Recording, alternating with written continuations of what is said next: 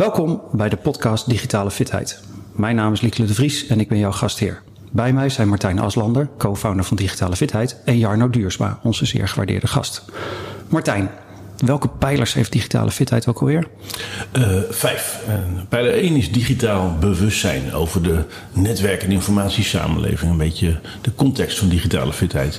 Pijler 2 is waarvoor de meeste mensen, vooral organisaties, de snelste winst te halen valt. En dat is digitale hygiëne e-mail, beveiliging, backups, passwords, dat hele spectrum. Hoe ga je met elkaar samenwerken met al die tools en wat spreek je erover af? De derde pijler is digitale vaardigheden.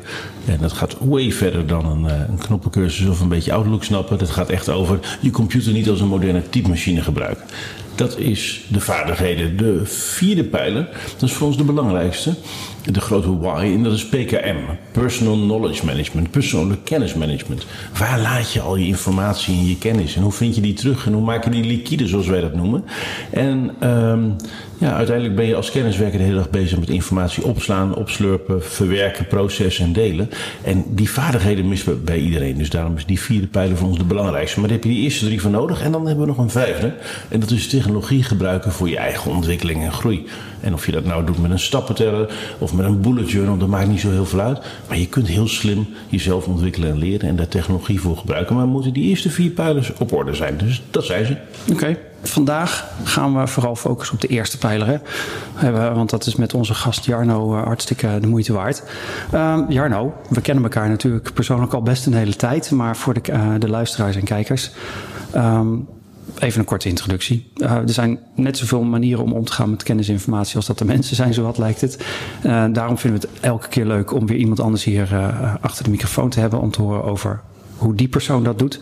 Jij bent uh, Jarno Duursma en jij schrijft op je eigen website. Naast TEDx-spreker ben ik ook auteur van vier managementboeken over digitale technologie. Mijn twee meest recente rapporten gaan over machines met verbeeldingskracht en over deepfake technologie. Ik ben veel te zien en te horen in de landelijke media. Dat kunnen mensen denk ik wel bevestigen. Maar misschien ken je me ook van mijn opinieartikelen voor het FD, NRC en de Volkskrant. En ik ben maker van de Listening to the Future Tech podcast en oprichter van Tech Event SMC 050 allemaal waar. En je sluit af met: Ik denk graag na over de huidige en toekomstige impact van digitale technologie. Dat doe ik met optimisme en een gepaste kritische blik en met oog voor het menselijk belang. En het vingertje gaat al meteen omhoog. Ja, dat is, dat is um, dat laatste. Ik, ik, ik hoopte al dat je ging doorlezen tot dat laatste, omdat het heel erg mij onderscheidt ten opzichte zeg maar, van mijn quote-unquote collega's. Zeg maar, heb ik heel duidelijk het wat, technologie is goed, is interessant. En ik, eh, eh, we kennen elkaar natuurlijk al langer, dus jullie kennen mijn enthousiasme voor nieuwe technologie. Maar um, ik stel um, uh, vaak de fundamentele vraag: in hoeverre worden we hier met z'n allen beter van? Of in hoeverre um, is dit nou echt een verrijking? Moeten we dit wel willen? Moeten we dit nu doen? Het is nu, ik moet even op mijn horloge spieken, halverwege december 2021. Ik ben nu met de, mijn meest recente nieuwsbrief, heet bijvoorbeeld waarom de metaverse eigenlijk eigenlijk ook best een stom idee is. Dat is bijvoorbeeld de titel van mijn volgende nieuwsbrief. Um, dus vandaar dat mijn vinger omhoog ging. Dat ik dacht, oh, ik hoop dat hij helemaal tot het eind doorleest. Want dan hebben we een mooie kapstok. Nou, we zijn heel blij dat je er bij ons uh, aan tafel wilt schuiven. Want uh, we zijn heel benieuwd naar jouw perspectief. En net als we met alle andere gasten doen, hebben we voor jou ook een, uh, een aftrap klaarstaan. En um, die geven ons een beetje beeld van jou als persoon. Ik heb tien vragen voor je. Met dank aan Bernard Pivot, die dat ooit een keer uh, ontwikkeld heeft. En ik wil op elke vraag het kortst mogelijke antwoord. Ben je er klaar voor? Wat is je favoriete woord?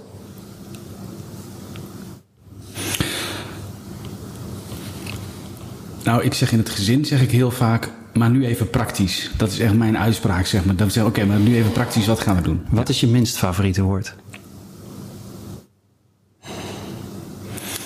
Vandaag is dat regeerakkoord. Waarvan raak je opgewonden? Ja, dan moet ik toch zeggen uh, nieuwe technologische mogelijkheden. En wat is voor jou echt een turn-off? Um, ik vind de menselijke eigenschap dat mensen zijn uh, die bijvoorbeeld hele uh, gunstige voorwaarden in hun leven hebben gekregen, maar daar niet nederig van worden, de volle claim nemen voor wat ze hebben gekregen in hun leven als iets wat ze zelf gepresteerd hebben, dat vind ik een van de allerstomste dingen. Welk geluid vind je geweldig? Ik maak zelf elektro. Dus die, de hele vette kicks van elektromuziek vind ik super vet. En welk geluid haat je? Ehm, wanneer mensen in de buurt aan het ehm, met zo'n schuurmachine de hele dag door schuren.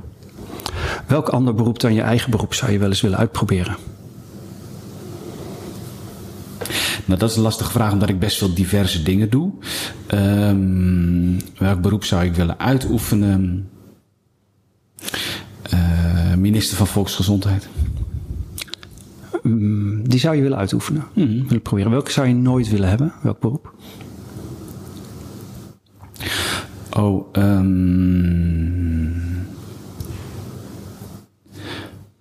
treinmachinist. En wat hoop je dat men later over je zegt wanneer je eenmaal niet meer op deze planeet bent? Ehm, dat ik eh, goed voor mijn gezin heb gezorgd. Super, dankjewel. Nou, die vragen stellen we aan iedereen. En dan hebben we alvast een beetje een beeld bij, bij de mens. Eh, de mens, Jarno Duursma. Ja. Ehm, maar inhou- meer inhoudelijk. eh, vind jij jezelf digitaal fit? Nou, dat is een hele goede vraag. Ehm, ehm, eigenlijk een, niet eens zozeer. Het is, het is een, het is een- en waarom is het een moeilijke vraag? Omdat ehm, als je iets leert, dan vergeet je dat, zeg maar. Hè? Dus dan ben je niet meer zo bewust dat je dat, hebt geleerd. Dus ook in, in voorbereiding voor dit gesprek ging ik nadenken over ja, hoe digitaal fit ben ik eigenlijk. En wat eh, persoonlijk mijn eh, kracht ook een beetje is, is dat ik altijd het gevoel heb, zeg maar, dat ik vrijwel niks weet. Dat is, eh, daardoor ben ik heel eager om steeds weer nieuwe dingen te leren, zeg maar. Ehm, dus dat, dat, en in aanloop naar dit gesprek ben ik dus gaan onderzoeken in hoeverre ik digitaal fit ben. En toen dacht ik, oh, eigenlijk doe ik al best veel. Eh, maar ik, ik vind altijd dat ik dan te weinig doe. Dus eh, Martijn liet mij Obsidian zien. En toen dacht ik, oh ja, weet je, dat moet ik eigenlijk echt hebben. Zeg maar, dus, eh, maar als ik dan bijvoorbeeld ga kijken wat, welke tools ik gebruik. Ik, ik heb bijvoorbeeld in mijn Gmail best hele goede filters wat ik wel en niet binnen wil hebben. Nou, ik weet dat heel veel mensen dat niet doen. Ik was gisteren met mijn zoon, liet ik me iets zien over operatoren in Google zoeken. Nou, die zijn voor mij al eeuwen oud. Eh, site dubbele punt uh, jarnoduursma.nl. Dan kun je hè, dus zo. Nou, voor mijn zoon was het echt volledig nieuw en voor mijn vrouw ook. Toen dacht ik, oh ja, weet je, dat doe je. Dat, dat, dus, dus along the way uh, leer ik dan wel dingen. Uh, maar ik vind dat, dit, dat daarin nog meer. Uh, ik, ik kan absoluut in heel veel dingen nog beter. Ja, het is ook allemaal relatief natuurlijk. Het ja. hangt maar net af met wie je vergelijkt. Ja. En mensen als Martijn in je omgeving, uh, die kunnen ja. nog voor nogal wat prikkels zorgen. Ja, en, en, en Martijn, het is natuurlijk ook zijn uh, levenswerk en zijn focus. Dus dan ben je daar de hele tijd mee bezig. En, um... voor de luisteraars die dat niet kennen of gevolgd hebben. Mijn levenswerk is niet knopjes. Hè? Mijn levenswerk is hoe kunnen we onnodige bureaucratie vermijden. En mijn stelling is dat je dat met informatie en sociaal kapitaal doet. Ja. En wil je daar optimaal gebruik van maken, dan moet je al die technologie een beetje snappen. Nee, maar wat natuurlijk ook wat jij vaak doet, Martijn, is dat jij, um, en dat probeer ik ook steeds te doen, is helemaal uitzoomen om te kijken wat zijn we aan het doen? En ik doe dus heel vaak, wat ben ik nou aan het doen? Wat ben ik nou aan het doen? Ja. Weet je, en, en uh, ik zie mensen om mij heen, en dat doe ik dan soms ook al, mouwen opstropen en gewoon knallen, knallen. Maar ik probeer ook heel vaak even uit te zoomen. Ja. Ik ben nu begonnen in het boek over Atomic Habits bijvoorbeeld. Om Ja. te kijken welke habits wil ik dan. Uh, en dan zou je kunnen zeggen, ja, weet je, in die, in die, nou hoe lang, het is een, vind ik, vrij uitgebreid boek. Maar in die. Uh, De samenvatting kun je vinden in Tiny Habits. Dan komt het, komt op hetzelfde neer, maar dat is een dun boekje. Oké. Okay. En het, het heet al Atomic Habits, dus ja, sorry, ik, ik, stel me nou voor dat er bijna niks overblijft. Maar. nee, maar het boek is echt, ik weet niet of je dat gelezen is echt heel dik, echt zo heel Amerikaans geschreven. Dat je denkt, oké. Okay, ik, zat van, de, van het weekend in een trein uh, in, in de Randstad en uh, ik zat met vier allochtone jongens en uh, jonge jongens. Ik denk, ja, of 19 of 20 of zo. En eentje vist dus dit boek uit, in de Engelse editie uit wow. zijn tas. Ik zeg, gast, dat is echt een heel goed boek. Dus dat was een heel leuk gesprek met die gasten. maar ik was helemaal verbaasd dat dat boek uit de tas kwam van een van die ja. gasten. En nu begin jij er ook over, dus uh, het is ja. een ding. Ja, en hoe heette dit, wat je zei, Tiny? Nee, dit was Atomic Habits. Ja, maar, maar, maar jij adviseerde mij... Tiny Habits. Okay. Eigenlijk is het concept vrij simpel. Er zit gewoon uh, uh, op allemaal dingen die je van plan bent te gaan doen, weerstand. En als je op wilskracht iets gaat doen, dan kost het meer energie. dit valt bij ons trouwens bij digitale fitheid onder de vijfde pijp. Technologie gebruiken voor je eigen ontwikkeling en groei. Kijk, als je met jezelf afspreekt, ik ga elke dag 30 push-ups doen. En je hebt daar een goede drive voor dan hou je dat waarschijnlijk wel een aantal dagen vol. Maar er komt een dag dat je koppijn hebt, je uh, gezeik hebt, uh, slecht weer, slecht slapen, whatever. Maar je gaat een smoes verzinnen, maar zijn net muizen, die vinden altijd wel een gaatje. Er komt een dag waarop je daar in één keer mee stopt. En in één keer is die weg. Omdat je wilskracht nodig hebt om het te doen. Routine, en daar gaat het eigenlijk over. Routine zorgt ervoor dat je uh, acht keer minder energie nodig hebt. Dus minder gewoon uh, glucose hoeft te verstoken om iets te doen. Dus de grap die ik altijd op het podium hierover maak is van... joh, als je nou push-ups wil doen... ga niet 30 push-ups doen in één keer. Ga gewoon één push-up per dag doen. En dan begint iedereen te lachen van... nou, één push-up per dag, wat heb je daar nou weer aan? Maar de grap is, dat kun je niet saboteren. Nee. Je kunt niet één push-up saboteren. Dan doe je namelijk geen push-up. Dus het kan uh, energetisch geen enkele reden, geen weerstand om niet die ene push-up te doen. Maar als je dat toch al ligt, is opstaan meer werk dan een tweede push-up doen. Dus op het moment dat je die routine doet, dan, dan bouw je langzaam maar zeker bouw je dus aan een, een, een routine, een neuraal spoor, dat ervoor zorgt dat je het als een automatisme doet en waar er geen weerstand op zit. Dat is eigenlijk de hele grap van Tiny Habits en Atomic Habits. Ja. Ja, die probeer ik dus wat toe te passen. Dus Ja. ik probeer ook al uit Even te focussen van, van eh, eh, eh, wat wil ik nu doen, wat wil ik nu bereiken en wat zijn dingen daarin hoe kom je belangrijk. daar? Zeg maar. ja. Ja. Ja. interessant. Oké. En hoe, hoe kom je dan zo'n zo'n boek als Atomic Habits op het spoor? Oh, wat een hele goede vraag. Ik had hem geprintscreend van iemand. Ja, dus ik weet niet meer. ehm, ik krijg ook. ehm, nee, dus dat, dat, weet, dat weet ik niet. Ja, nou, kun, kun je, kun je- want dit is een van de dingen die ik interessant Kun je ons een beeld schetsen van hoe informatie eigenlijk tot jou komt? Want je, je hebt een aantal onderwerpen, die heb ik net al kort even genoemd. Maar daar ben je dus nieuwsgierig naar van alles en nog wat. Ja, en waar blijven die print screens van jou? Want, eh, want dat is wel iets waar daar, daar, daar hebben we nooit een gesprek over. Maar waar blijven de print screens? Die doen houden we vast, daar komen we zo op terug. Ja. Eerst wil ik een beetje een beeld hebben van hoe... eh, Ja, ik doe even. hoe verzamel jij je eh, kennis? Hoe, hoe verzamel ik mijn kennis? Dus eh, wat voor mijn werk belangrijk is, is ehm, eh, eh, informatie absorberen met zowel actualiteit als diepgang, zeg maar.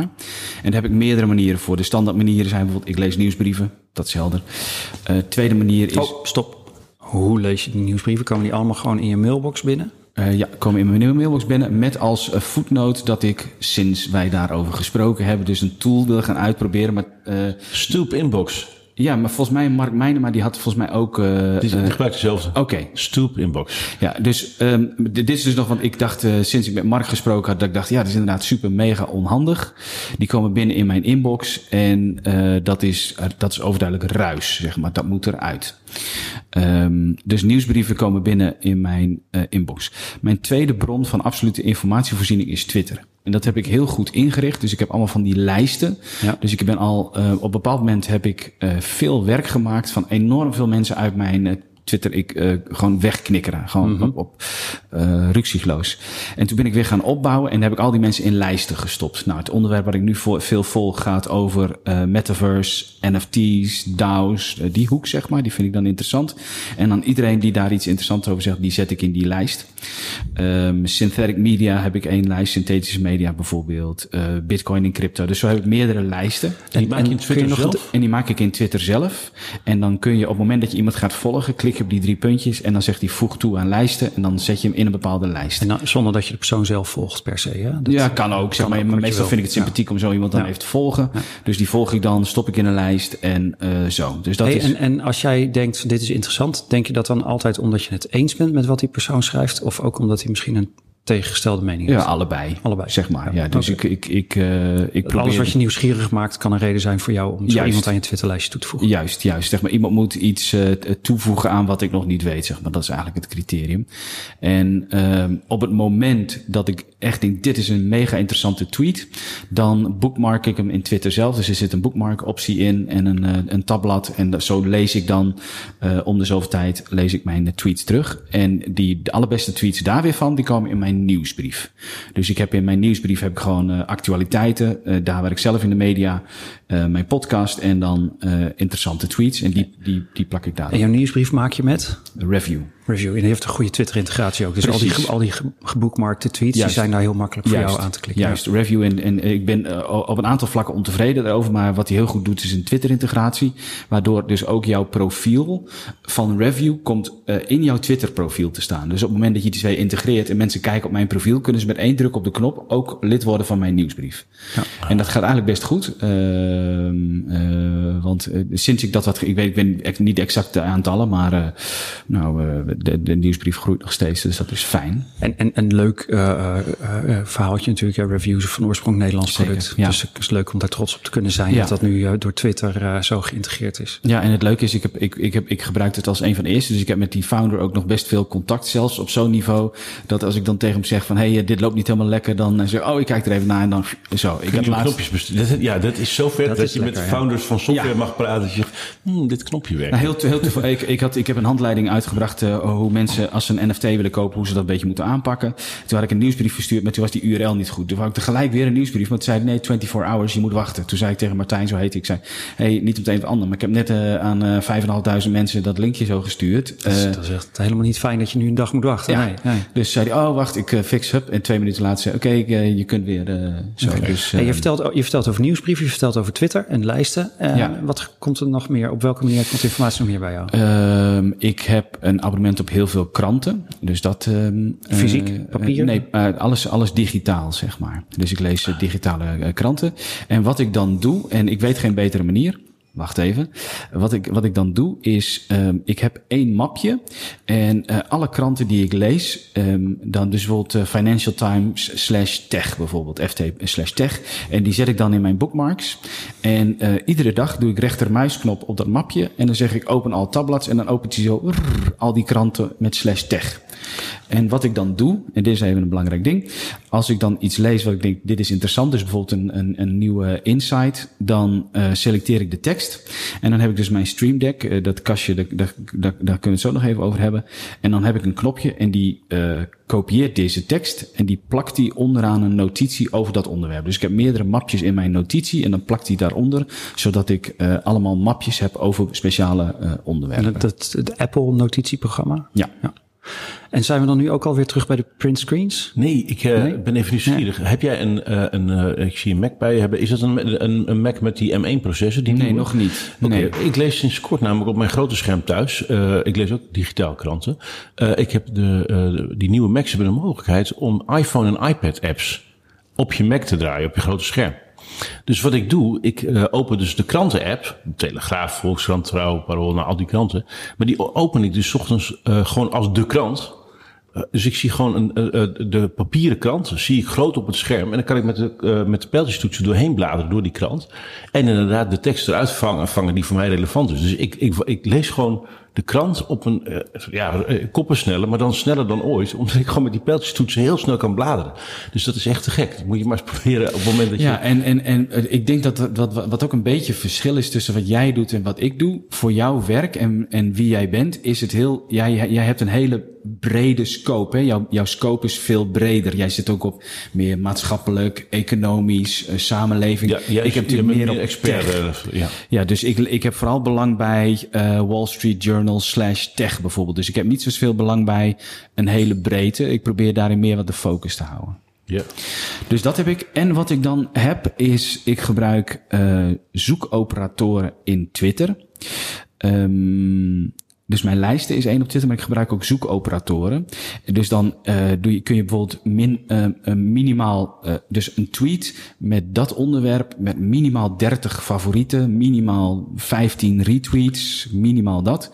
Dus daar heb ik ook een mapje van wow. in mijn bookmarks. En als ik die rechtermuisknop, dan opent die zeg maar 10 tabbladen, waarin ik per onderwerp de meest interessante tweets nog eventjes kunt dat, dat is een leuke manier natuurlijk om tweets te ontdekken van mensen die eerder niet op je, op je hey, radar hadden. Deze ja. content hebben we nog niet op digitale fitheid. Zou je daar een kort stukje over willen schrijven met deze truc? Want deze ken ik zelf ook nog Oké, okay, als jij mij een, uh, ja, een reminder ja, stuurt. Ja, dus wat ik dan doe is de rechtermuisknop op dat foldertje. En dan heb ik zo acht of negen tabbladen. Uh, ik zeg maar wat, uh, metaverse, minimal favorites, minimal retweets, minimal likes. En dan krijg ik dat zo te zien. Ja, dus dat, met, met als enige ja, slag om de arm dat soms mensen dingen liken en retweeten. Nee, dit is gold digging. Andere dit is, reden, het grootste, is, grootste is, is trash, zeg ja. maar. Maar af en toe zit er een pareltje tussen. Ja, ja.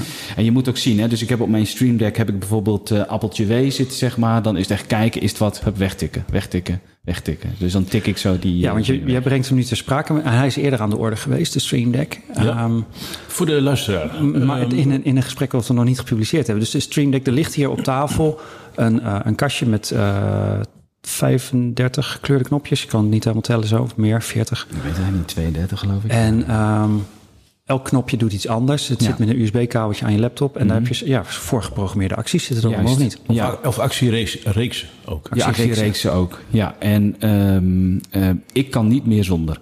Dus als ik eh, kijk, zeg maar, wat is mijn digitale fitheid? En ik moet zo, stel je zou iedere keer iets weg moeten gooien, dan zou ik zonder die Stream Deck zou ik niet meer kunnen. Omdat wat ik echt heb ontdekt is, ehm, eh, dus mensen zeggen, dan leg ik het in alle enthousiasme, leg ik het dan uit. En dan zeggen mensen, ja, maar ik kan het ook met een muis aanklikken. Maar dat is, dan ben je zo weer van je eh, eh, pad af, zeg maar, wat je eigenlijk aan het doen bent. Een knopje is heel gedachteloos. Ja. En ik heb eh, een, een aantal opties heb ik in mijn eh Stream Deck die ervoor zorgen dat ik gedachteloos dingen kan doen. En dus dan verschijnt er een actie. Het voelt eh, eh, eh, echt als een verlengstuk van mijn brein, omdat het dingen kan doen die ik dan gedachteloos doe. Zal ik eerst even nog En, en, vertellen? en sorry, de winst is ook heel groot, hè? want eh, dat, dat een muis heel traag is, dat weten we ondertussen wel. Dus Ja. toetscombinaties op, het, op je key- keyboard zijn al heel, een hele stap beter. Maar hier kun je dus hele Reeksen, sequenties van acties kun je vatten onder één knopje. Dat is natuurlijk enorm krachtig. Ja, zal ik een aantal dingen beschrijven die ik Ja. als eh, reeks heb? Mag dat? Martijn Ja, zit ik- ook te popelen. Nou, ik, ik- wat mij intrigeert, ik kreeg gisteren van iemand het verzoeken. Die zei, Martijn, eh, zijn die dingen ook met USB-C? En toen dacht ik, nou volgens mij niet. Maar jij hebt een USB-C versie. Is dat een nieuwe? Nee, ik ken niet anders dan USB-C. Aha, oké. Stream Deck nu ook met USB-C, al een hele tijd. Ehm, Oké, dus als we even naar de Stream Deck eh, kijken. ehm, een van mijn eh, eh, meest gebruikte ehm, eh, velden van toetsen is wanneer ik in mijn mail zit. Dus ik kijk mijn mail met meerdere knopjes. Dus bijvoorbeeld als ik naar mijn mail kijk, denk volgende mail, tik ik op eh, volgende mail. Als ik eh, markeren wil van oké, dan moet ik dat heeft echt een urgentie. Eh, dat moet ik echt als ik klaar ben met mijn inbox poetsen, zijn dat de berichtjes die ik moet doen. Die geef ik dan een ster bijvoorbeeld mee. Dus ik ben redelijk snel en gedachteloos kan ik in mijn mail eh, zo. Op het moment dat ik denk oké, dit is een actie voor iets groters, voor iets laters, dan selec- selecteer ik met de muis dus deze tekst en dan druk ik op mijn eh, knopje tekst naar to do. En dan doet hij dus een sequentie, dan kopieert hij die tekst opent hij mijn To-Do, dat is mijn eh, To-Do-app. Dan plakt hij hem in, geeft hij hem hoge prioriteit, sluit hij tablet weer af en ik ben weer in mijn mail.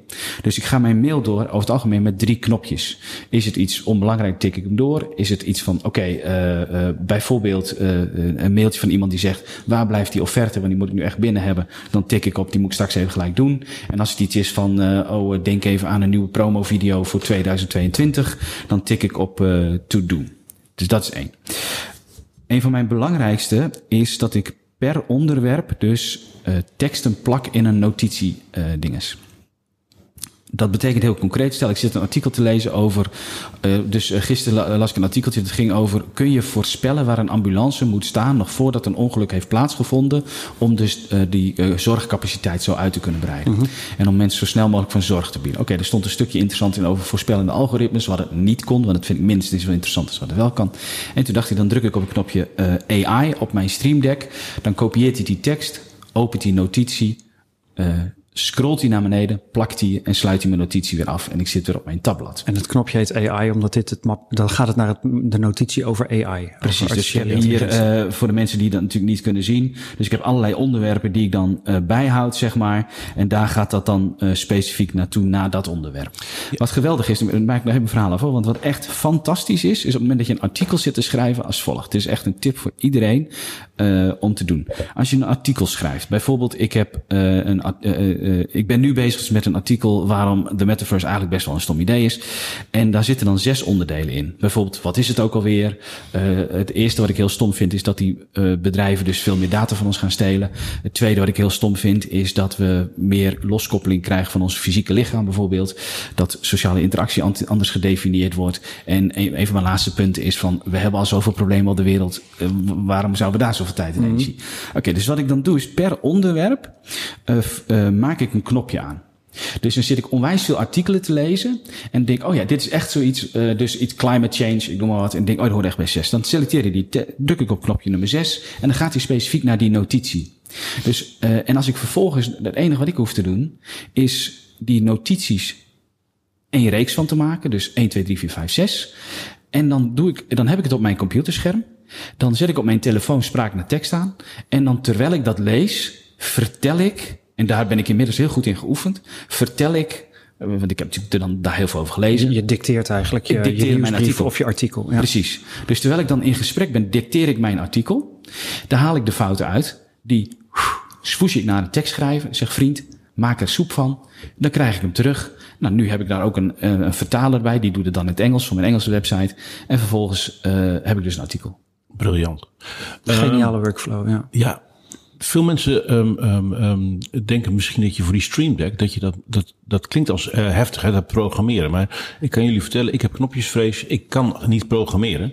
Eh, dit is zo simpel als... Je, Dat is heel goed dat je dit zegt, want het is, het is echt zo heel simpel. dat- ja, je Ja. sleept gewoon eh, een commando naar een, eh, naar een knopje toe met een muis. Iedereen kan dat. Ja. En dan zeg je, als ik op dit knopje druk, dan moet je er dat mee doen. Nou, sterker nog, het is veel makkelijker, want zelfs als je, dat, als je een commando hebt gesleept, dan zegt hij, druk nu op de knopjes die deze, wat hij moet doen. Dus dan doe je appeltje W bijvoorbeeld. ja, hij neemt de toets op, nou, de toetsaanslag neemt hij als het ware op. Die neemt hij op. Ja. Dus nu ik over die Stream Deck vertel, doen we, hebben het over opeenvolgende acties. Waarbij mensen misschien denken, oh jee, hoe moet dat dan? Zeg maar, dat kan ik me voorstellen.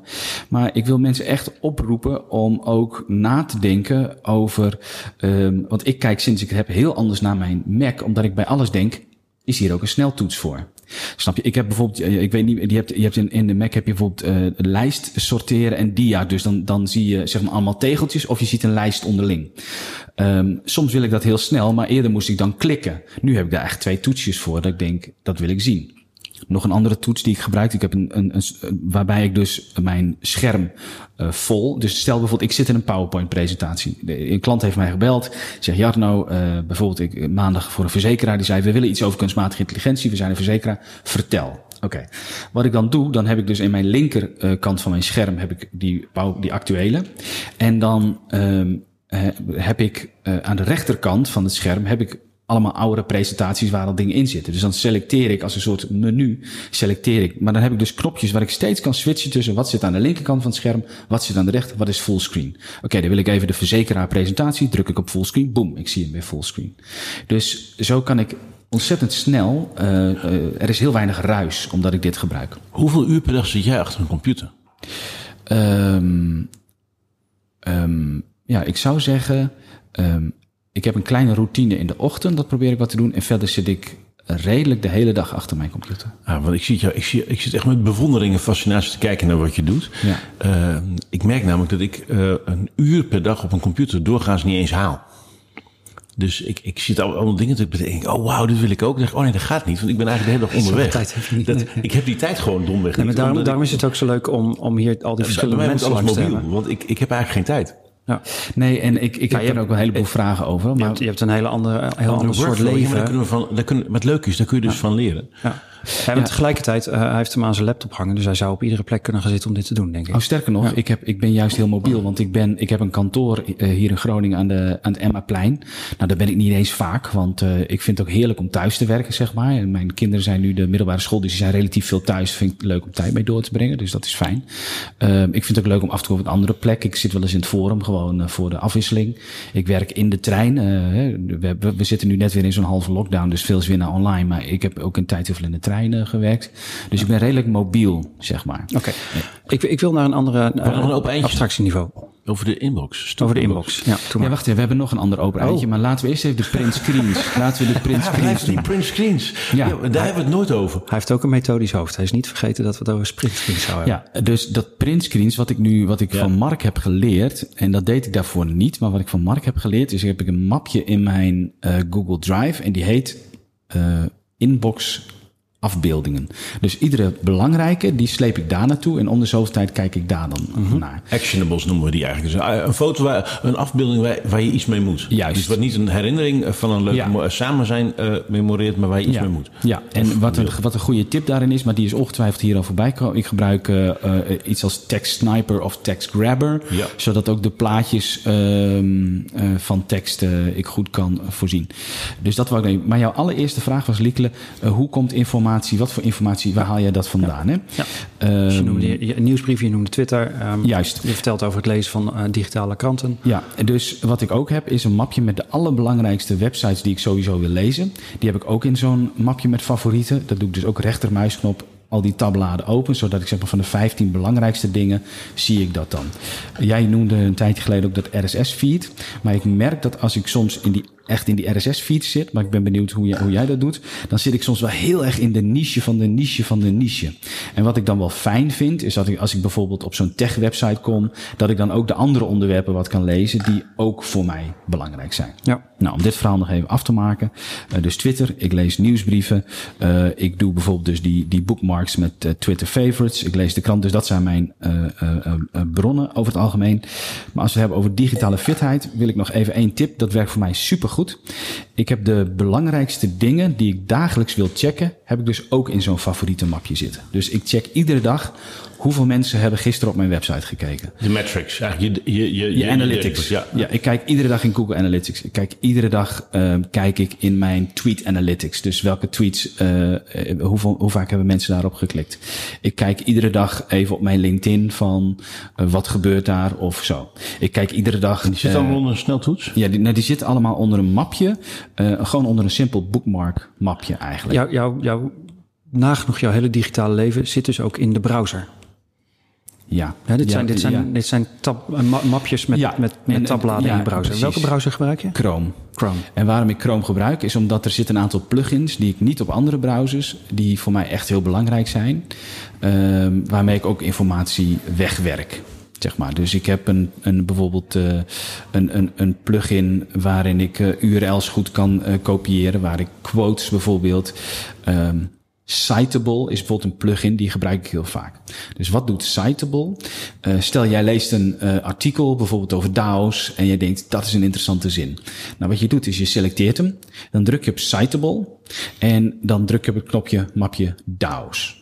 Wat die app doet, is die eh, eh, selecteert die quote in een Google Drive Excel sheet. Dus dat is quote, time of capture, auteur, URL en nog één, maar dat ben ik vergeten.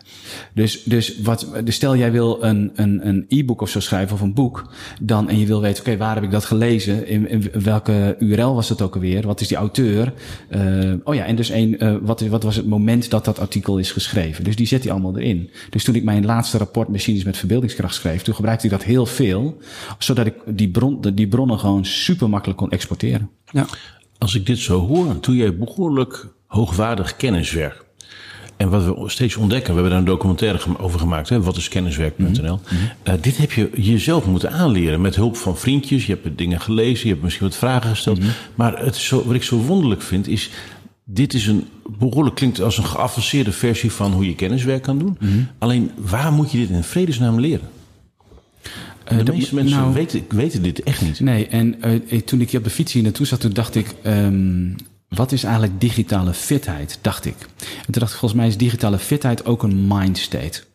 En um, ik weet, Martijn, jij hebt ooit een lezing gegeven in het Herenhuis in Groningen voor de jonge commerciële club Die, Groningen. we- die weet ik nog. Ja.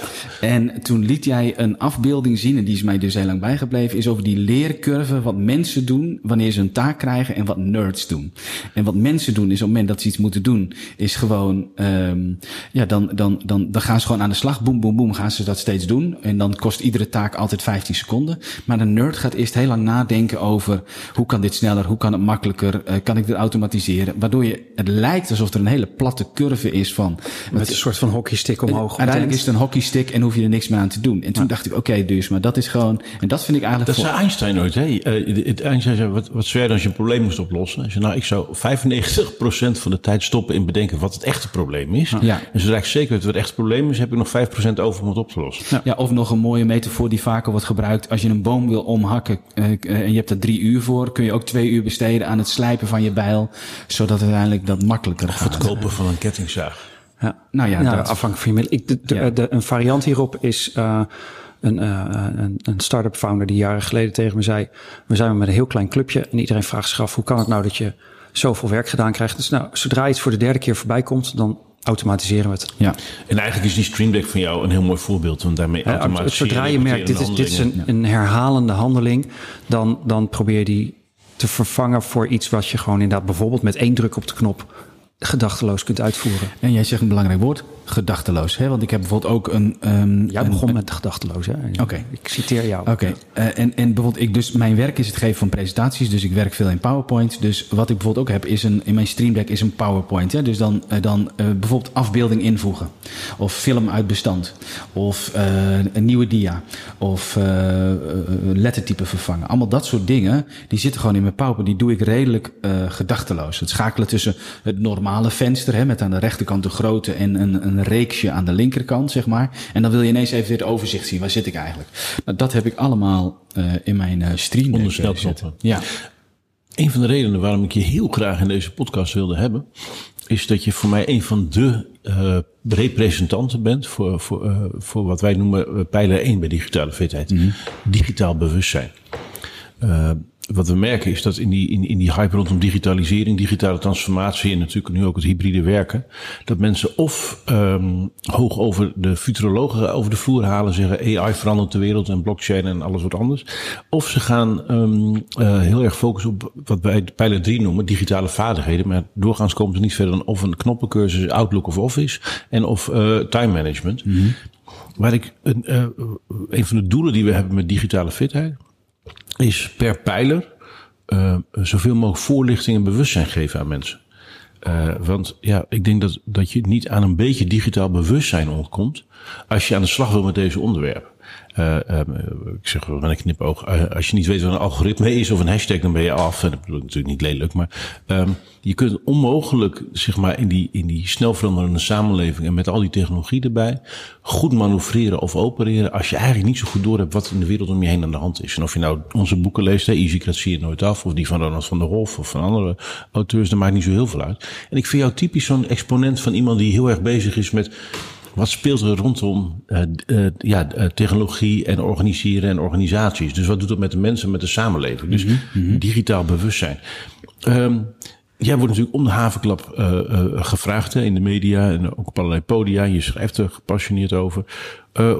hoe kijk jij naar die eerste pijler en het belang daarvan voor, um, voor, ja, voor die 5 miljoen kenniswerkers die wij hebben? Dat is een hele goede vraag. Um, en dat, dat is een combinatie van twee dingen. Um, wat ik uh, heb gemerkt is um, dat ik ongeschikt ben om um, mensen um, sommige zaken uit te leggen of aan de hand te nemen. ik ben gestopt als consultant omdat ik merkte dat ik daar zelf ongelukkig van werd en mensen werden ongelukkig van mij. En waarom? Omdat een gedeelte van mijn drijfveer, wat ik doe, is mijn nieuwsgierigheid. Dus ik ben um, nieuwsgierig naar nieuwe dingen. En op een bepaald moment, als ik dat, als ik mensen soms aan de hand moet nemen en dat duurt te lang, dan word ik heel ongelukkig van, zeg maar. Um, dus, dus het is ook iets wat ik doe omdat het bij mij past. Dus um, en tweede, wat, toen je die vraag stelde, wat me wat te binnen schoot, is uh, veel mensen zijn ook wel bang voor technologie in het algemeen. Of die zijn bang voor hun computer. Of die, zijn, die, die weten niet de kapstokjes uh, waar ze moeten beginnen. Ik heb een, um, of, of zijn daar onvoldoende in geïnteresseerd, of zien onvoldoende de winst die je daar kunt behalen. Heel concreet voorbeeld. Um, ik ben uh, meer dan twintig jaar met mijn vrouw. Mijn vrouw is uh, cum afgestudeerd psycholoog, uh, een hele slimme vrouw. Maar ze heeft heel weinig affiniteit met technologie. En ik leg dan bijvoorbeeld dingen uit. Oh, dat kun je sneller, dat kun je makkelijker. En het is een beetje alsof iemand aan mij uitlegt hoe het ook alweer zit met aandelen en dat soort en short gaan en dat soort. Het is, ik hoor de woorden, maar het is ook, het druipt ook uit mijn oor, zeg maar. Ik, ik, het ja, beklijft niet. Het beklijft op geen enkele wijze. Je legt het eruit en je ziet gebeuren dat het gewoon door de hoofd waait. En, ja, en dan... En dan andere dingen, dat ik, gaat moeiteloos. Ik, ja. Voor mij hebben we dit eerder aangehad bij, ja. bij, bij de podcast. Ik, ik, het gebeurde mij afgelopen jaar thuis. Ik probeerde Miro uit te leggen aan mijn lief. Ja. En ik deed dat even voor en die, die werd boos op mij. En na vijf minuten kwam ik, wat was er aan de hand? Het bleek dat ze niet wist wat Altap was. En dat was Oh, mijn ja, een van mijn ja. grootste aha-momenten in heel digitale fitheid. Ja. Wacht even, er bestaan dus mensen die niet weten wat Altap is. Ja. Eh, lieve luisteraar, als je dat niet weet, dat geeft niks. Nee. Maar ehm, dat kost echt, eh, als je het 2 zou- tot 500 keer per dag moet schakelen tussen twee programma's op de computer. Het komt zo vaak ter sprake in deze podcast. Ik zou er een, een jingle of een tune voor moeten maken. weer, daar is die weer, de Maar ja, Altaf. het is heel, eh, maar, Nog concreet voorbeeld, Martijn, dan ontbreek ik je even. hè, want ja. ehm, eh, ik heb bijvoorbeeld, eh, dan werk ik in Chrome en dan ehm, heb ik iets van eh 25 artikelen bijvoorbeeld in mijn pocket. Hè, dus nog even over informatie. Als ik een, Pocket zit ook nog ergens. Po- Pocket zit ook nog, dus die, daar sla ik mijn artikelen sla ik dan in op, zeg maar. En ehm, in het begin was ik heel strak. dat Ik dacht, nee, moet echt een artikel zijn die ik wil lezen, anders komt die niet in mijn Pocket. En nu ben ik wat soepeler, want ik merk, Pocket heeft best een goede zoekfunctie. Dus dan zoek je op, eh dan komt hij weer Metaverse. En dan krijg je alle artikelen waar dat bijvoorbeeld in voorkomt. Maar soms heb ik ook 25 tabbladen open, omdat ik steeds denk, rechtermuisknop, eh, die ga ik nog even lezen. Ehm, en dan heb ik een knopje, die zit ook in Chrome, All Tabs. En dan, dan, dan krijg je aan je rechterkant van je scherm krijg je een overzicht van alle tabjes die je open hebt staan. En dan zoek ik bijvoorbeeld eh, nog WSJ, Wall Street Journal. En dan alle tabjes waar dat in, in voorkomt, bijvoorbeeld. Ehm, eh, er zit zoveel, en het is zo belangrijk om te benadrukken wat Martijn zei. Er zit ook in die Stream Deck kinderlijk eenvoudige toetsen. Bijvoorbeeld appeltje F voor het doorzoeken van een woord in een pagina. Snap je? Eh, wat ik nu heb ontdekt overigens, zeer recent, is dat dus die appeltje F ook werkt op het moment dat ik een artikel schrijf en ik schrijf lange artikelen. En ik denk, oké, waar zit ook alweer eh een loopback bijvoorbeeld, of board ape? Dan, dan doe ik dus ook in een, aan de achterkant werkt dat dus ook. Dus ik kan ook, als ik denk, oké, in dat artikel, waar zit het ook alweer? Dan, dan werkt het dus, dat had ik nooit zo zelf bedacht, maar daar ben ik nu dus ook achter gekomen. Wat ik dus steeds aan mensen probeer uit te leggen rondom digitale fitheid. Van joh, je moet wel een beetje snappen waar die netwerk- en informatiesamenleving over gaat. De, de netwerksamenleving, alles is met alles verbonden. Mensen, organisaties, eh, spullen tegenwoordig ook, Internet of Things. En we hebben de informatiesamenleving. En als je die over elkaar heen legt, krijg je een andere dynamiek. Dat verklaart in één keer hoe 65.000 leraren met elkaar gingen staken zonder dat ze een vakbond nodig hadden. Of hoe boeren via een WhatsApp-groep in één keer met elkaar gingen staken en we dat niet zagen aankomen. Dus de, het is ook waar iviocratie over ging. Hoe organiseer je zonder organisaties? Maar eh, hoe- wat is jouw beeld van de huidige staat van het digitaal bewustzijn van de mensen waar jij optreedt en voor schrijft? Nou, uh, dat verschilt heel erg. Sommige mensen, het is ook een genetisch iets. Sommige mensen vinden het gewoon interessant. En sommige mensen hebben qua karakter, en ik denk dat dit een heel belangrijk iets is. Sommige mensen hebben qua karakter dat ze denken, ik moet even uitzoomen. Ik moet even kijken, wat ben ik nou eigenlijk aan het doen? En ik zie te veel mensen gewoon ploeteren. Ja, door gewoon hun- zo head ja, down blijven gaan. Blijven gaan. En, Zou je een eh, percentage kunnen noemen? Hoeveel procent van de mensen die, eh, die- voor je neus staat, eh, eh, eh, zijn zich bewust van het feit dat ze hier aandacht aan moeten geven aan het hele digitaal bewustzijnspectrum? oh, ik denk relatief weinig. Is het 10% of 30 of waar zit het in? Dus jouw vraag is, hoeveel mensen van de kenniswerkers in Nederland is zich bewust van het feit dat ze, om mijn woorden te gebruiken, even moeten uitzoomen om te kijken wat ben ik eigenlijk aan het doen? Nou, dit gaat over werkwijze. Dit gaat over. Nee, mijn, dit, mijn, mijn, mijn punt is. eh, digitaal bewustzijn, dat hele, dat hele spectrum aan onderwerpen wat langskomt. Eh, hoeveel procent van de mensen die eh, vijf uur per, of meer per dag met een scherm werken, ehm, zich bewust zijn van dat ze hier aandacht aan moeten geven? 15 procent. 15 procent. Nou, wij organiseren in eh, maart, van 1 maart tot en met eh, 31 maart, de maand van de Excuses hoor, Martijn. Ja. Ik bedoel met 15 procent, dat is meer de mensen die, die, die weten dat ze, en die daar ook daadwerkelijk iets mee doen. Ik geloof dat 60 procent van de mensen misschien wel weet. Oh ja, daar moet ik iets mee, maar... eh, Hij weet niet hoe. Ik, ik, ik, ik zou niet eens weten, eh, een soort struisvogelachtig eh, iets. Ja. Ja. Maar je, wat, wat, wat, wat Nou ja, we gaan, we gaan, we Ja. gaan in, eh, want dit, dit zag ik ook aankomen. Dus we gaan vanaf maart, vijf jaar lang, eh, van 1 maart tot 31 maart, de maand van de digitale fitheid organiseren. En de ambitie is om 4 miljoen kenniswerkers in Nederland een uur in die maand bezig te laten zijn met digitale fitheid. En of je nou alle vijf pijlers pakt of één van die vijf, wil ik af zijn. Dus we gaan zoveel mensen proberen uit te leggen. Joh, daar is iets aan de hand, daar moet je echt wat mee. En eh, dat kun je op een spelende eh, wijze kun je dat gewoon tot je nemen. Dus eh, En, en eh, dat heeft allerlei verschillende vormen. Eh Jarno, zoals jij nu vertelt over jouw werkwijze en bijvoorbeeld hoe je ze, je apparaten inzet. eh, dat is heel erg specifiek natuurlijk ook ingericht op wat jij te doen hebt. Het schrijven van een nieuwsbrief, het voorbereiden van presentaties, het schrijven van artikelen. Dus jij hebt op een gegeven moment ook, al dan niet bewust, ehm, alle informatie die op je afkomt, leren hanteren eh, zodat je er artikelen en presentaties van kon maken. En ik denk dat dat mensen eh, soms ook eh, eh, eh, een beetje kan, kan verwarren, omdat ze wel informatie op zich afkrijgen, maar eigenlijk ook niet zo goed weten wat ze ermee zullen. Ja, en dat is En jij hebt dat goeie. heel gefocust. Ja. En andere mensen zijn daar veel minder gefocust. Want de ene keer moet ze een rapport schrijven, de andere keer vindt ze het gewoon interessant om te weten. En dan, dan heb je natuurlijk ook veel minder makkelijk uh, uh, richting aan, nou, hoe moet ik hier nou eigenlijk mee omgaan? Hele goeie. En wat mij dus dan helpt, en dat is ook gedeelte van mijn werk, is um, als je iets wil begrijpen of een onderwerp, schrijf er een artikel over. Desnoods doe je een of ander WordPress-siteje of zo waar je hem vervolgens opknikkert.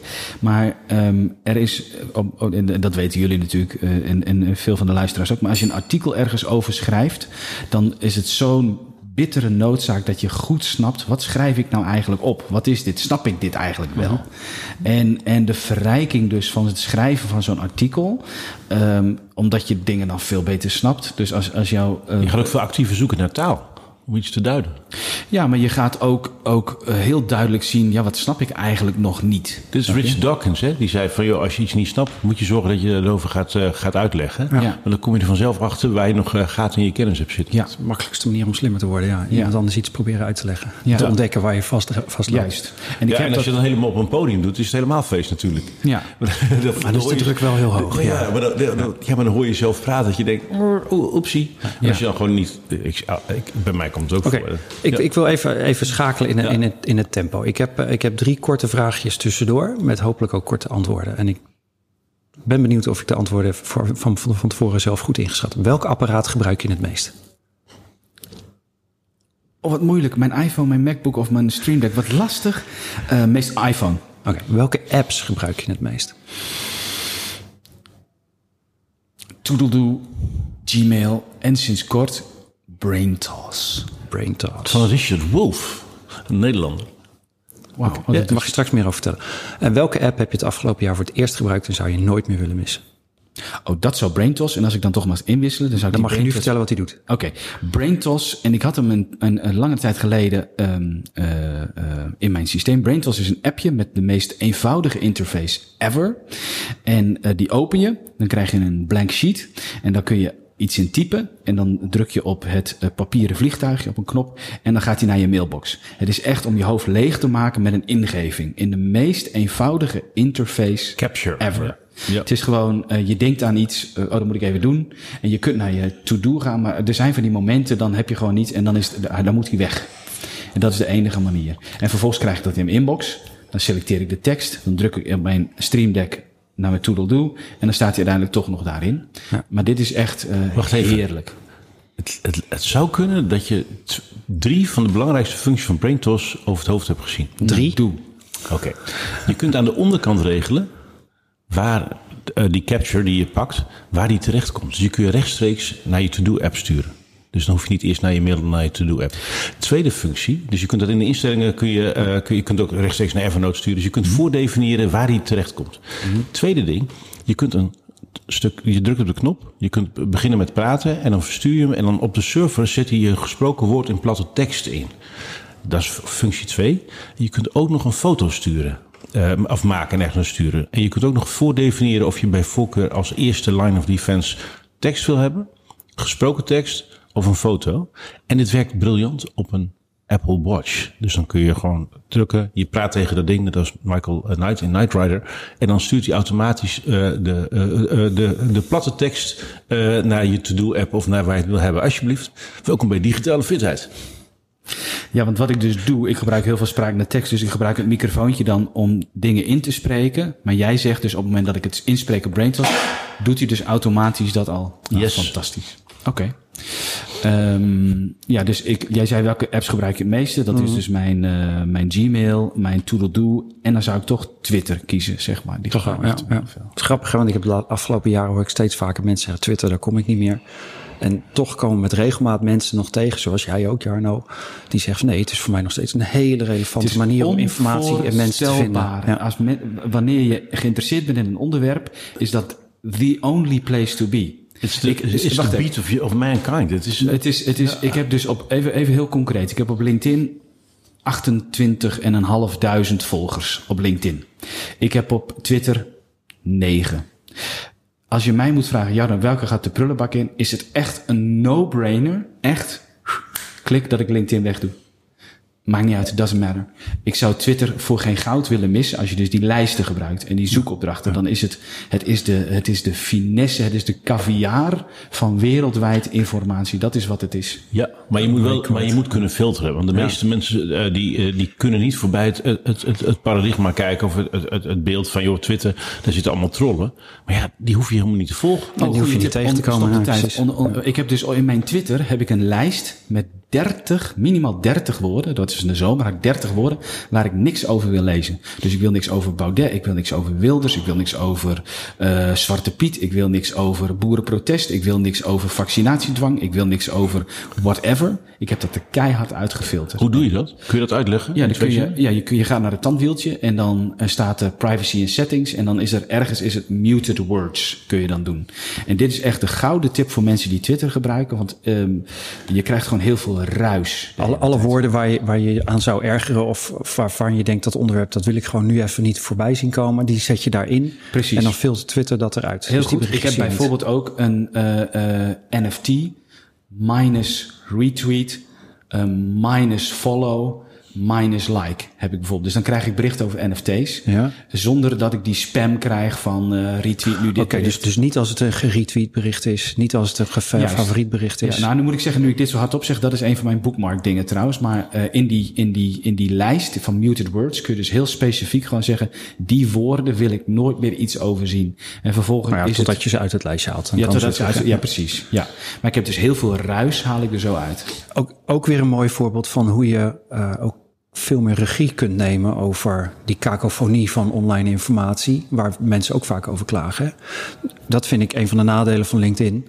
Uh, ik heb Facebook zit ik al jaren niet meer op, maar LinkedIn vind ik dit het probleem. Dat ik, ik heb geen controle over welke bericht, of nauwelijks, welke bericht ik wel niet zien krijg. Het voelt inderdaad alsof ze met een algoritme bezig zijn, ja. in plaats van dat ik zeg, deze mensen volg ik en mag ik gewoon zien wat ze schrijven. En ik vind het leuk om jou te horen vertellen dat, ja. dat jij de, de, de Twitter-app daar en de Twitter-website daarvoor gebruikt. Ik ben nog steeds een heel groot fan van Tweetbot. Omdat daar bijvoorbeeld de advertenties ook allemaal niet in zitten. Uh, maar Twitter staat dit wel toe. En Twitter laat je heel erg wel het beheer nemen over jouw informatie. Ja. Chaos. Ja. Nee, maar ik vind dus uh, als je in, in een bepaald domein echt iets meer over wil weten, dan is Twitter is, is nergens te evenaren. De snelheid, de, de, de, de pareltjes die je af en toe leest, de artikelen die je uh, voorgeserveerd krijgt. Uh, kijk, journalisten, dus ik lees kranten, maar die journalisten hebben ook maar beperkt verstand van iets natuurlijk. Hè. Dus dan krijg je van die artikelen dat je denkt, ja, je bent een, niet eens zo heel supergoed ingelezen, zeg maar. En op Twitter heb je natuurlijk de wereldwijde experts. Ja, ja, briljant. Ik, ben, ik blijf uh, nieuwsgierig naar wat zouden we kunnen doen om 5 miljoen, uh, 4, 5 miljoen kenniswerkers in Nederland wat digitaal bewustzijn bij te brengen. Dus, wat zouden de, de, eerste dingen zijn die iedereen aanraadt om daar uh, wat mee te kunnen? Want we zijn even gedoken in houding. Hè? We zeggen, nou, 15% van de mensen is echt nieuwsgierig. Maar mm-hmm. hoe, hoe zouden we de rest van die mensen, die volgende slag, die volgende 60%, hoe zou je die wat digitaal bewustzijn mee kunnen brengen? Nou, wat, je, wat, wat, wat als, als ik de baas over dit probleem zou zijn, dan zou ik um, aan deze mensen uh, verplichten om een dagdeel vrij te nemen. En dan so een, een beginnen met of een, een soort online course of een gesprek dat mensen echt even helemaal uit hun dagelijkse doen. Zodat ze eerst even uh, visie krijgen op wat ben ik eigenlijk aan het doen? Wat is mijn informatie? Uit die hele informatie, wat vind ik dan het belangrijkste? Wat doet er in mijn werk nou eigenlijk toe? Waar, wij hebben wel eens eerder gehad hè, over toen ik die stream deck kreeg. En voor de mensen die luisteren is dat echt heel overdreven. Maar kreeg ik een, de fundamentele vraag teruggeworpen. Wie ben ik eigenlijk? Wow, zo ja, diep ging het voor zo jou. Zo diep ging het. En dat is echt heel overdreven. Want je denkt misschien, wat is dat voor een rare uh, vraag? Maar het ging echt over, ja, wat voor, wat voor werk doe ik eigenlijk? Wat vind ik eigenlijk belangrijk? Waarom vind ik dat eigenlijk belangrijk? Wat ben ik eigenlijk aan het doen? Waarom ben ik hier eigenlijk dan? Snap je? Zo diep ging dat, omdat ik helemaal weer terugging naar... Oké, okay, maar als mijn, als mijn informatie definieert uh, uh, uh, hoe ik mijn werk doe... wat voor werk doe, waarom vind ik dat dan belangrijk? Wat, waarom past dat dan bij mij? Dus ik werd helemaal weer teruggeworpen op... Ja, wat, wat, wat, wat, wat doe ik eigenlijk? Wat ben, waar ben ik eigenlijk mee bezig? Dus, dus als jij de baas zou zijn over dit probleem... zou je in ieder geval tegen iedereen zeggen...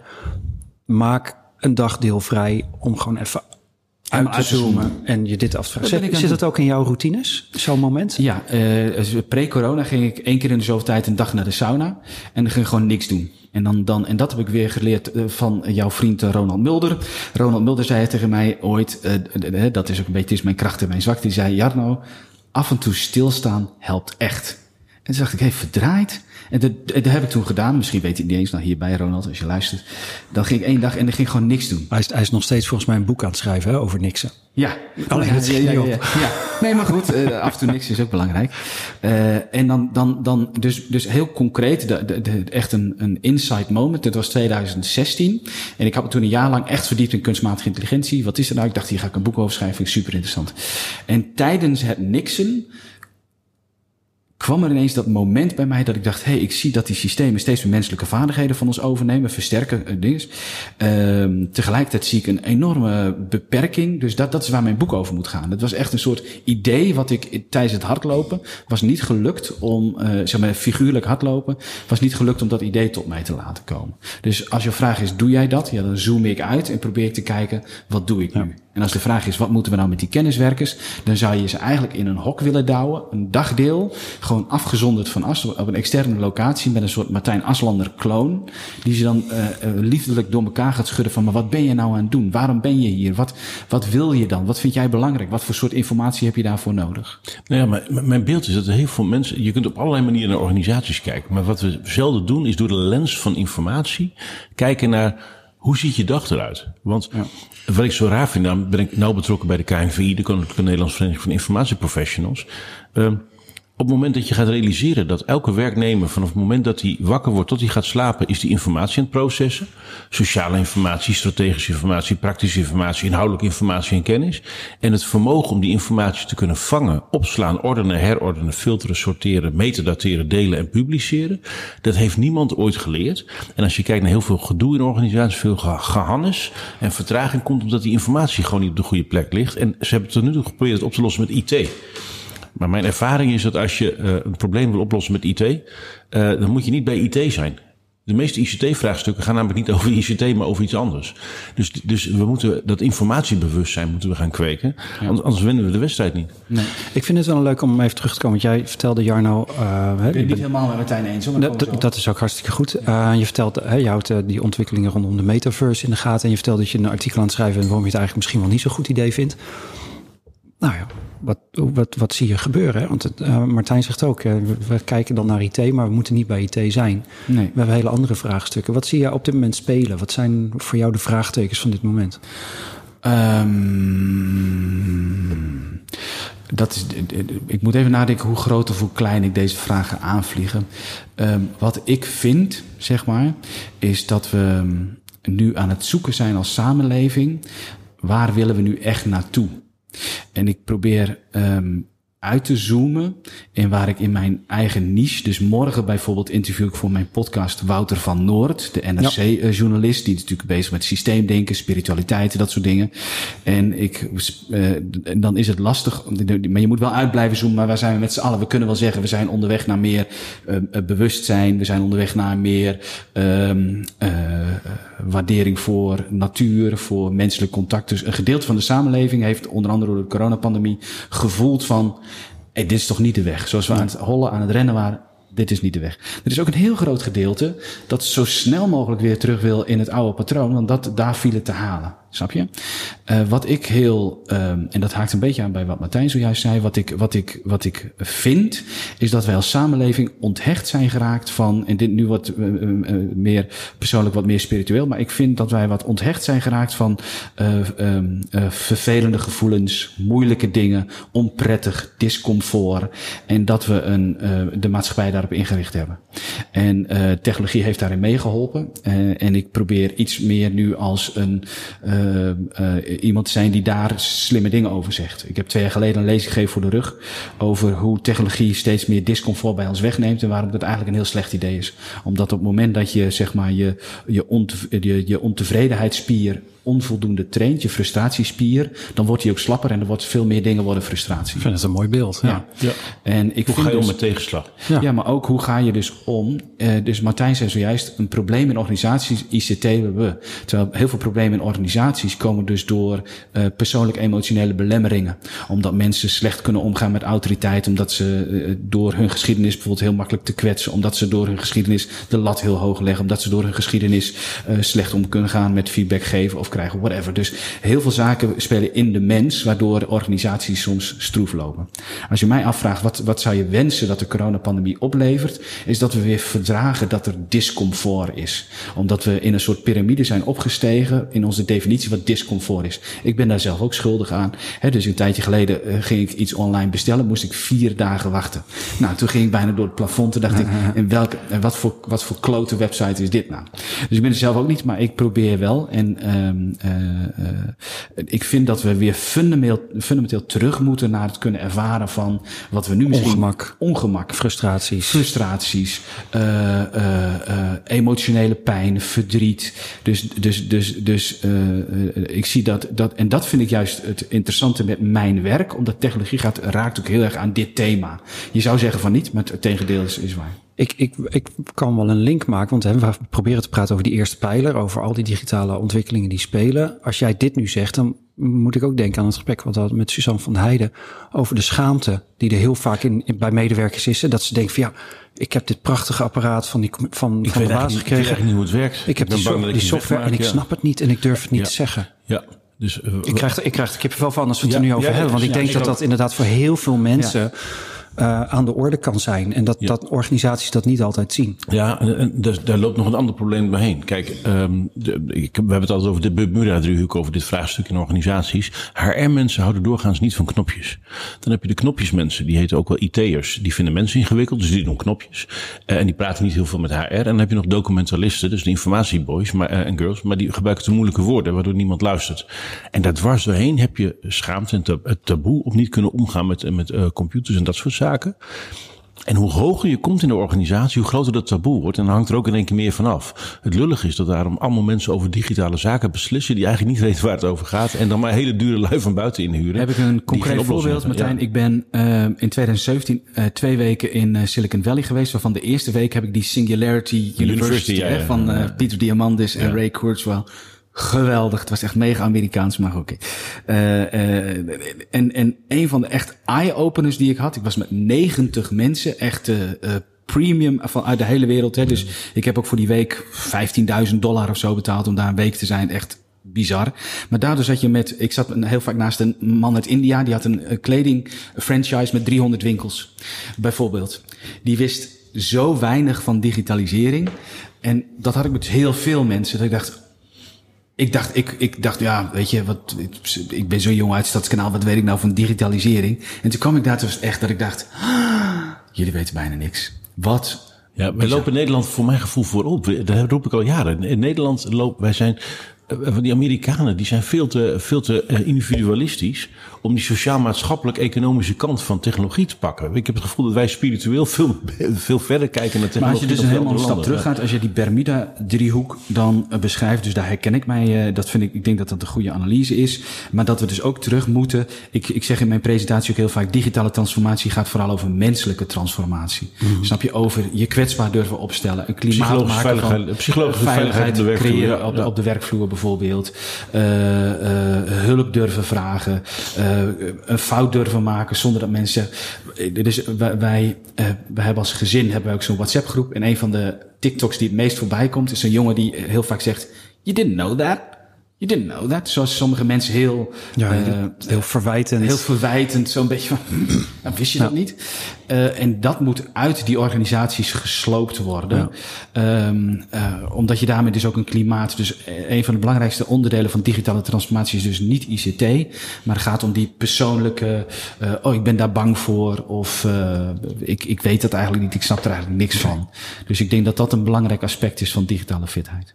Volgens mij uh, komen we op een afronding. Want we raken nu een onderwerp waar we eigenlijk misschien nog wel een keer opnieuw voor moeten gaan zitten. Um, maar daar moeten we er ook goed de tijd voor nemen. Mm -hmm. um, ik, ben, ik ben heel blij met dit gesprek. We hebben ontzaglijk veel geleerd over hoe jij dingen doet en waarom mm -hmm. dat zo is. We hebben gehoord over jouw blik op de wereld. Mm -hmm. We hebben het mooi kunnen koppelen aan, aan diverse pijlers. Um, wie hebben we allemaal te bedanken, Martijn? Uh, we hebben te, bedanken de, de gastheren van deze prachtige locatie, namelijk het Schimmelpenninghuis in Groningen. Uh, de omstandigheden gingen vandaag een keer in Groningen opnemen, dus die gaan we bedanken. Uh, natuurlijk Mark Meindema voor het in de lucht houden van het, het digitaal fitheid platform. En ja, ons eigen. Onze eigen. Lees de show notes terug op http dubbele punt slash bit.ly slash show notes digitale fitheid podcast. Ja, er staat wel wat, geloof ik. Um, uh, dit was de podcast Digitale Fitheid met Martijn Aslander en jouw gastheer Lieke de Vries. Onze speciale gast vandaag was Jarno Duursma. Bedankt voor het luisteren en kijk ook eens op digitalefitheid.nl of volg op Twitter Digitale Fitheid. Um, hou die maand van de digitale fitheid in je achterhoofd. Maart volgend jaar, dat is al heel snel. Dan gaan we elkaar op de een of andere manier zien of treffen. En tot de volgende keer.